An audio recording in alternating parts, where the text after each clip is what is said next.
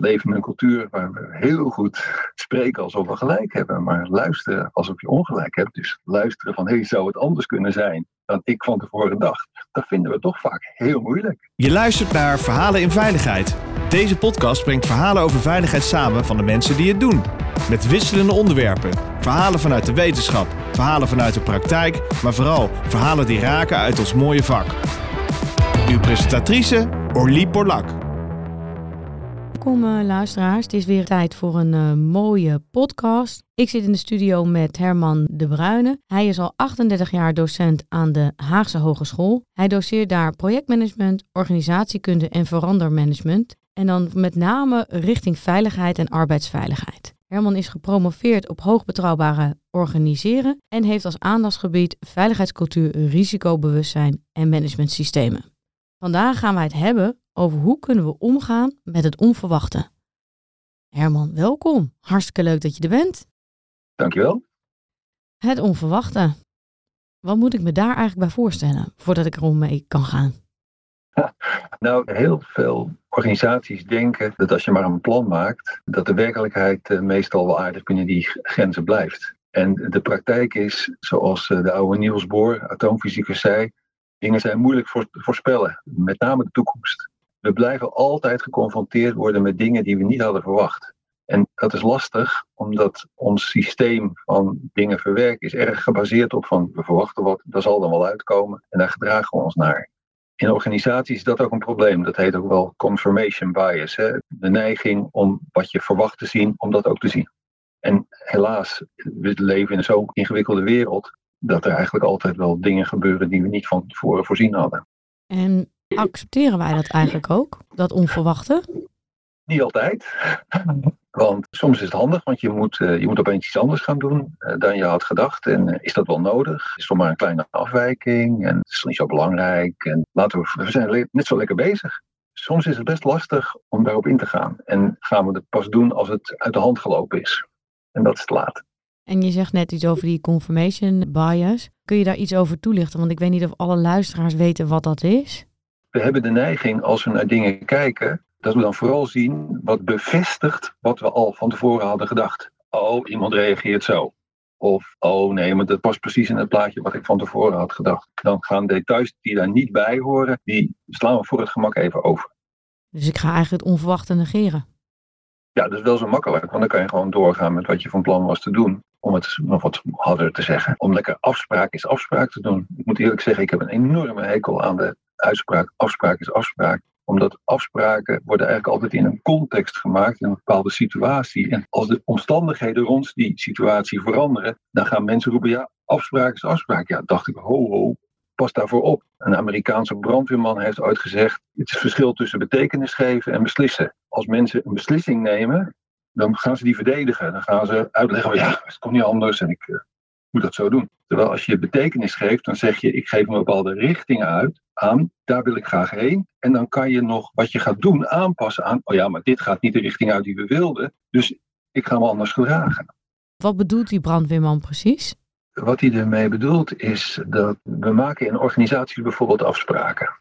En een van die afspraken is om even in het geval van een brand te praten. Stel voor, er is een brand in de buurt van een, een groot onderzoekscentrum van het ministerie van Defensie in de Verenigde Staten, Los Alamos, een bekende naam. En daar zijn ze bezig om een, een brandje te doen. Dat is een preventief brandje. Om ervoor te zorgen dat grote bosbranden niet kunnen uitbreken. Op een gegeven moment, wat je dan krijgt, is dat ze merken van nou, als we nu niet oppassen, dan gaat die brand die we hadden bedoeld als preventieve brand, gaat los en wordt een echte bosbrand. En dan gaat de baas, bosbrandchef die dat moet regelen, die gaat bellen met kantoor. En die zegt, ja, ik heb nu extra mensen nodig, want anders dan breekt dat die brand uit. En dan hebben we een groot probleem. Maar de regelgeving is, je krijgt pas die mensen als de brand uitgebroken is. Dus wat je ziet is, dat is een leuke beslissing die we ooit hebben gedaan. En ook heel goed te begrijpen. Van ja, we gaan pas extra mensen geven als de brand echt zo erg is dat die uitgebroken is. Terwijl als je bedenkt van ja, maar waar gaat het nou eigenlijk om? Neem even een stapje achteruit. Kan ik dit doen om te voorkomen dat die uitbreekt?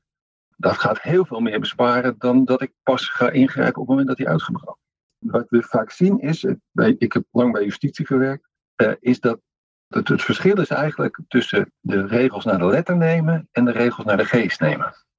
En is dat ook een beetje wat we vaak bedoelen met organisaties die heel uh, rule-based zijn versus heel erg principle-based? Bedoel je dat?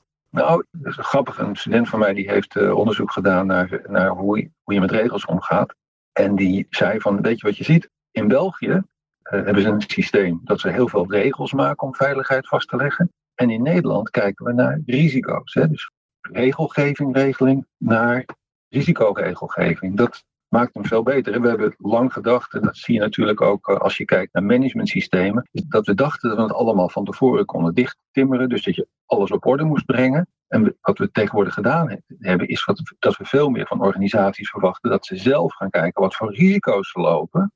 En dan kijken wat ze daartegen moeten doen, in plaats van dat we van bovenaf gaan bedenken van dit moet je allemaal geregeld hebben, want dan is het veilig.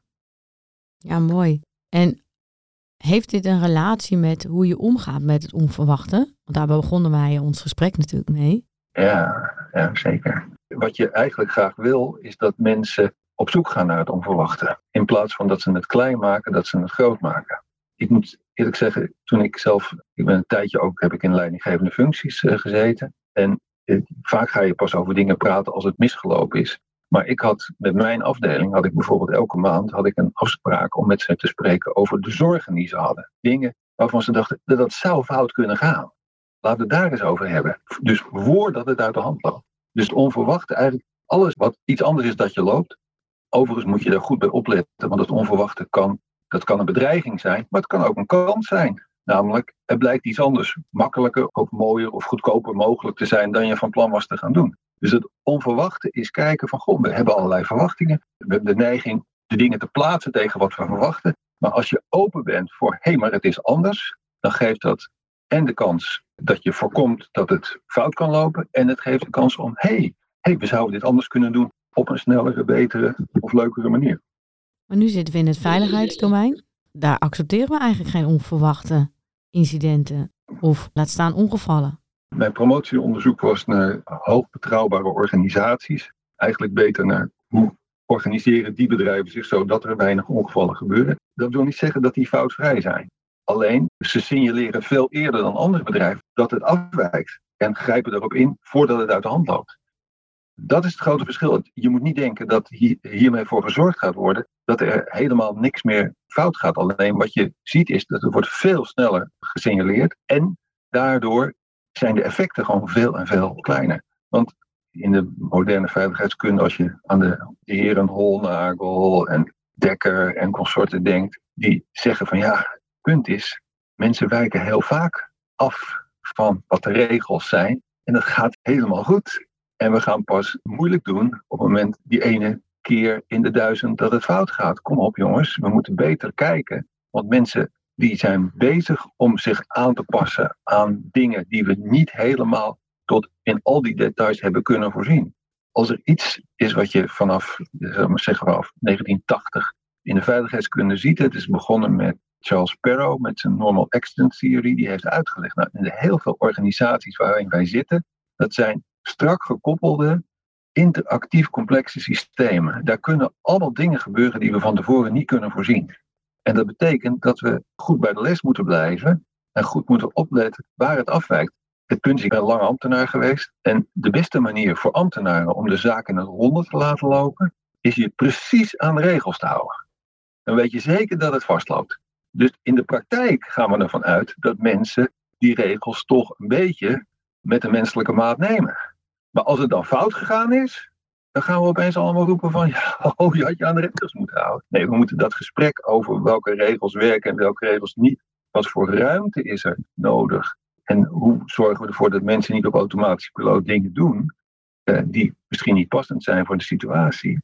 Een van mijn thema's is risicobewustzijn. Het is leuk wat wij heel vaak in de veiligheidskunde eh, met mensen doen, is dat we ze uitleggen wat ze moeten doen, welke maatregelen ze moeten nemen, zonder dat we met hun gaan praten over de risico's die ze lopen en of zij die risico's hoog of laag inschatten. En over het effect van die risico's, of ze dat hoog of laag inschatten. Dus het gevaar, is dat groot of, klein, frequentie waarmee het kan gebeuren, In deze manier van kijken ben je veel meer mensen bezig van, goh, ga eens kijken, wat is nou eigenlijk aan de hand? We zijn allemaal bezig, in de veiligheidskunde heet dat alarm, as low as reasonably possible. En met nadruk op dat reasonably. Het is nooit 100%. Veiligheid is, is niet voor 100% af te dekken. Alleen, omdat je dat weet, moet je bewust van zijn, goh, het kan dus fout gaan. En houd dat goed in de gaten. Wees, daar, wees op die signalen dat het niet helemaal goed gaat. Wees daarop bedacht. Dus als je z'n allen aan het werk bent en het regent hard en je moet allemaal veiligheidsbrillen op en, die beslaan, maar je, je, je moet wel gaan lassen. God, daar moeten we dan eens even over hebben. Ja, precies. En ik kan me ook voorstellen dat het best wel lastig is voor organisaties om hier eigenlijk handjes en voetjes aan te geven. Hè? Zodat je kijkt naar work as done versus work as imagined. Hè? Want daar heb je het eigenlijk over. Daar heb je het ook over, ja. En dan heel veel bedrijven zien dat toch echt wel als, uh, als afwijking. Dus als ze erachter komen, ja, sommige bedrijven als het goed gaat, krijg je toch een stiekem pluim. Maar er zijn ook een heleboel bedrijven die heel erg rule-based zijn, die echt direct een rode kaart geven. Ja, en dat is heel gevaarlijk. Dit is natuurlijk ook al heel oud. Hè? Dit is Reason in de jaren negentig met zijn human error. En die vraagt ook af, je moet je veel meer afvragen waardoor mensen fouten maken. Hè? Het feit dat een organisatie ze verleidt om fouten te maken. Toen ik bij justitie werkte, hadden we altijd de uitdrukking: je hebt meesters in de rechten en je hebt juristen. Meesters in de rechten die zijn van de letter van de wet. En juristen zijn van de geest van de wet. En je, je wil eigenlijk dat dat in organisaties. Kijk, het, is natuurlijk makkelijk om je op de letter van de wet te bedenken. Maar je ziet ook waar de letter van de wet. We houden ons precies aan de voorschriften. Dan gaat het dus heel veel trager dan we zouden willen. Waar, waar dat toe leidt. Dus we moeten het gesprek daar wel met elkaar over hebben. Waar dat zit. Eh, dat is een doorlopend gesprek met elkaar. En het probleem natuurlijk in heel veel organisaties is dat. Dat, dat blijkt ook uit dat onderzoek van naar die HRO's dat als je bijvoorbeeld naar kerncentrales kijkt, dan zijn de mensen die het ontworpen hebben, allemaal hoog gekwalificeerde mensen met uitstekend van de tong erin gesneden. En die kunnen allemaal helemaal logisch uitleggen waarom het op een bepaalde manier in elkaar zit. En dan heb je onderhoudsmonteurs, dat zijn mannen van de praktijk en die weten hoe het echt gaat. Ja, die zijn niet zo van de tong omgesneden. Dus die moet je helpen in het gesprek met die ingenieur. Want die gaat er wel een prachtige redenering overheen gooien. In plaats van dat hij eerst eens even goed luistert naar wat, naar wat een onderhoudstechnicus gezien heeft. Want in de praktijk van de kerncentrales, dan blijken, natuurlijk is er een, blueprint gemaakt met hoe alles ligt. Maar ja, er zijn wel wat onderhoudsdingetjes aan gedaan, er is een lijntje een beetje omgelegd. Ja, dan, en die blueprint is niet helemaal bijgehouden. Nee, jammer, jammer. Maar dat is wel waar je in de praktijk tegenaan loopt. Het is precies inderdaad die wereld van zoals je bedacht had en de wereld zoals die werkelijk is. Ja, daar zitten verschillen tussen. Dekker noemt het ook wel, uh, we, moeten, moeten mensen helpen om te begrijpen dat ze in een local rationality zitten. Dat in hun werksituatie een andere rationaliteit geldt, een andere logica geldt dan van bovenaf uh, gekeken. Alleen het probleem is dat de verhoudingen zo zijn dat je wel goed moet opletten, dat je goed naar ze luistert. En dat is lastig, want een van de thema's in mijn onderzoek is bijvoorbeeld spreken alsof je gelijk hebt en luisteren alsof je ongelijk hebt. Ja, we leven in een cultuur waar we heel goed spreken alsof we gelijk hebben, maar luisteren alsof je ongelijk hebt. Dus luisteren van, hé, hey, zou het anders kunnen zijn dan ik van tevoren dacht? Dat vinden we toch vaak heel moeilijk. Zeker als we zelf heel slim zijn. Je hebt natuurlijk ook heel veel organisaties gezien. En ik vroeg me af, waar vind jij in een organisatie hebt gezien waar het heel goed gaat, waar ze in staat zijn om om te gaan met dat onverwachte, waarbij ze dus ook positieve resultaten halen. En kun je een beetje toelichten hoe dat er dan uitziet? Mijn beschouwingsniveau is toch meestal het niveau van een team van mensen die ik tegenkom. En ik heb in mijn promotie heb ik eerst een soort van inlijnen schermutselingen gedaan. En daarna heb ik in twee plekken heb ik heel precies gekeken hoe je collectieve opmerkzaamheid, dus dat je ervoor zorgt dat mensen dat goed met elkaar uitwisselen, wat er aan de hand is en daar veerkrachtig op kunnen reageren. En een van de twee clubs. Ik probeerde daar dat collectief, die collectieve opmerkzaamheid, dus goed naar elkaar luisteren, goed reageren, flexibel met dingen omgaan, om dat te bevorderen. En in een van die twee ben ik gewoon gestopt, omdat bijvoorbeeld het maken van fouten, dat werd gezien als een individuele kwestie. Als je er zo naar kijkt, dan, dan kan je wel stoppen.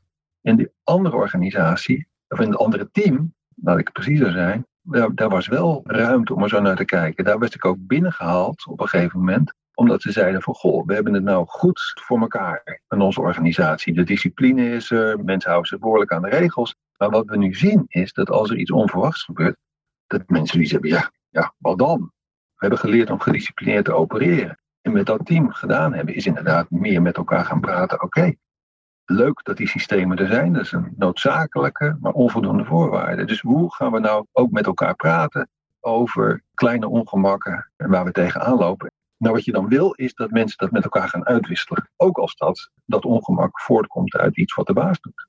Want is dat iets wat jij ziet als oorzaak? Nou, heel veel van wat er gebeurt, is dat ik met mezelf zelf leidinggevende geweest. En als dan iemand tegen mij zei van dit hebben we de vorige vergadering besloten. En dat was helemaal niet volgens mijn beeld. Dan had ik de neiging om te zeggen dat is niet waar. En dat is fout. Dan, reageer je als uh, leidinggevende echt verkeerd. Want dan moet je zeggen, waaruit leid je het af? Wat heb jij eruit opgepikt? In organisaties wordt heel veel tegengehouden omdat mensen ja, hebben een bepaald beeld. En als je in een bovenliggende positie zit, is het makkelijk om dat beeld als het ware op te leggen. Dat wordt ook een beetje van je verwacht. Hè? Je moet de discipline bewaken in een organisatie. Dus ja, pas daarmee op. Je zegt iets heel moois, hè? Je zegt eigenlijk als leidinggevende, zei ik van ja, dat is niet waar, dat is fout. Maar dat zie je wel bij meer discussies. Hè? Dus als je, als, ik begeleid ook teams. Ik hoor er geregeld dat als je een team in een reflectiesessie zit en die komen met feedback, die komen met evaluaties, dat een leidinggevende gewoon gaat corrigeren. Gaat zeggen, ja, maar dat is niet waar. Ja. Dat klopt niet. Ja. En die Ja. neiging hebben vaak organisaties ook op basis van onderzoeksresultaten. Dus als je dan zegt, ja, vanuit de groep hoor je dit en dit. Ja, dat is niet waar. Dat zie je helemaal fout. Is meer dat je moet gaan vragen wat betekent het. Eh, dan, het is niet waar. Eh, of wat bedoel je ermee? Of wat vind je dan wel? Het grappige is mijn onderzoeksmethode. Ik laat veel studenten van mij die studeren af op die methode. En dat is dat ze, omdat je graag van iedereen in de organisatie wil weten wat ze ervoor vinden, dan zet je een enquête uit. Alleen dan kan je het wel zelf gaan interpreteren als, eh, als buitenstaander of, of als adviseur of als wat dan ook. Maar het is eigenlijk veel beter om met mensen te gaan praten van, goh, hey, dit is wat jullie zeggen. Ja, wat jullie zeggen, eh, dan zie je vaak nog dat er verspreide meningen zijn. Het grote risico van een enquête is, je krijgt terug, nou, op een schaal van 1 tot 5 is het 3,5. Dat zegt me helemaal niks. Want het kan zijn dat 50% van de mensen het onvoldoende vindt en de andere 50% is razend enthousiast. Dus kijk vooral beter en ga met elkaar praten. Waar komt het vandaan? Waardoor scoor je dit? Wat zijn de voorbeelden? Waar leid je het uit af? Dat er slecht geluisterd wordt of dat er juist heel goed geluisterd wordt. Maak het concreet en dan, dan zie je ook dat er behoorlijk verschillen kunnen zijn. Soms ook dat we dezelfde dingen zien en dat we het anders wegen. Mooi. Ik wil jou eh, danken voor deze mooie podcast. En ik denk we de volgende keer eigenlijk een hele sessie maar een keer moeten praten over wat dan die collectieve opmerkzaamheid is. Want daar heb ik nog niet eens over kunnen vragen wat dat is. Er werd even tussen neus en lippen verteld. Maar ik denk dat de luisteraar nu ook denkt, oh, die wil ik ook weten. Ja, ik ook. Dus mijn vraag is, zou je dan een keertje terug willen komen? Ja, tuurlijk. Altijd. Hartstikke leuk. Je luisterde naar Verhalen in Veiligheid. Wil je niks missen van deze podcast? Abonneer je dan op deze podcast in je favoriete podcastplatform. Of laat een recensie achter via Apple Podcast. Dank voor het luisteren. Graag tot de volgende.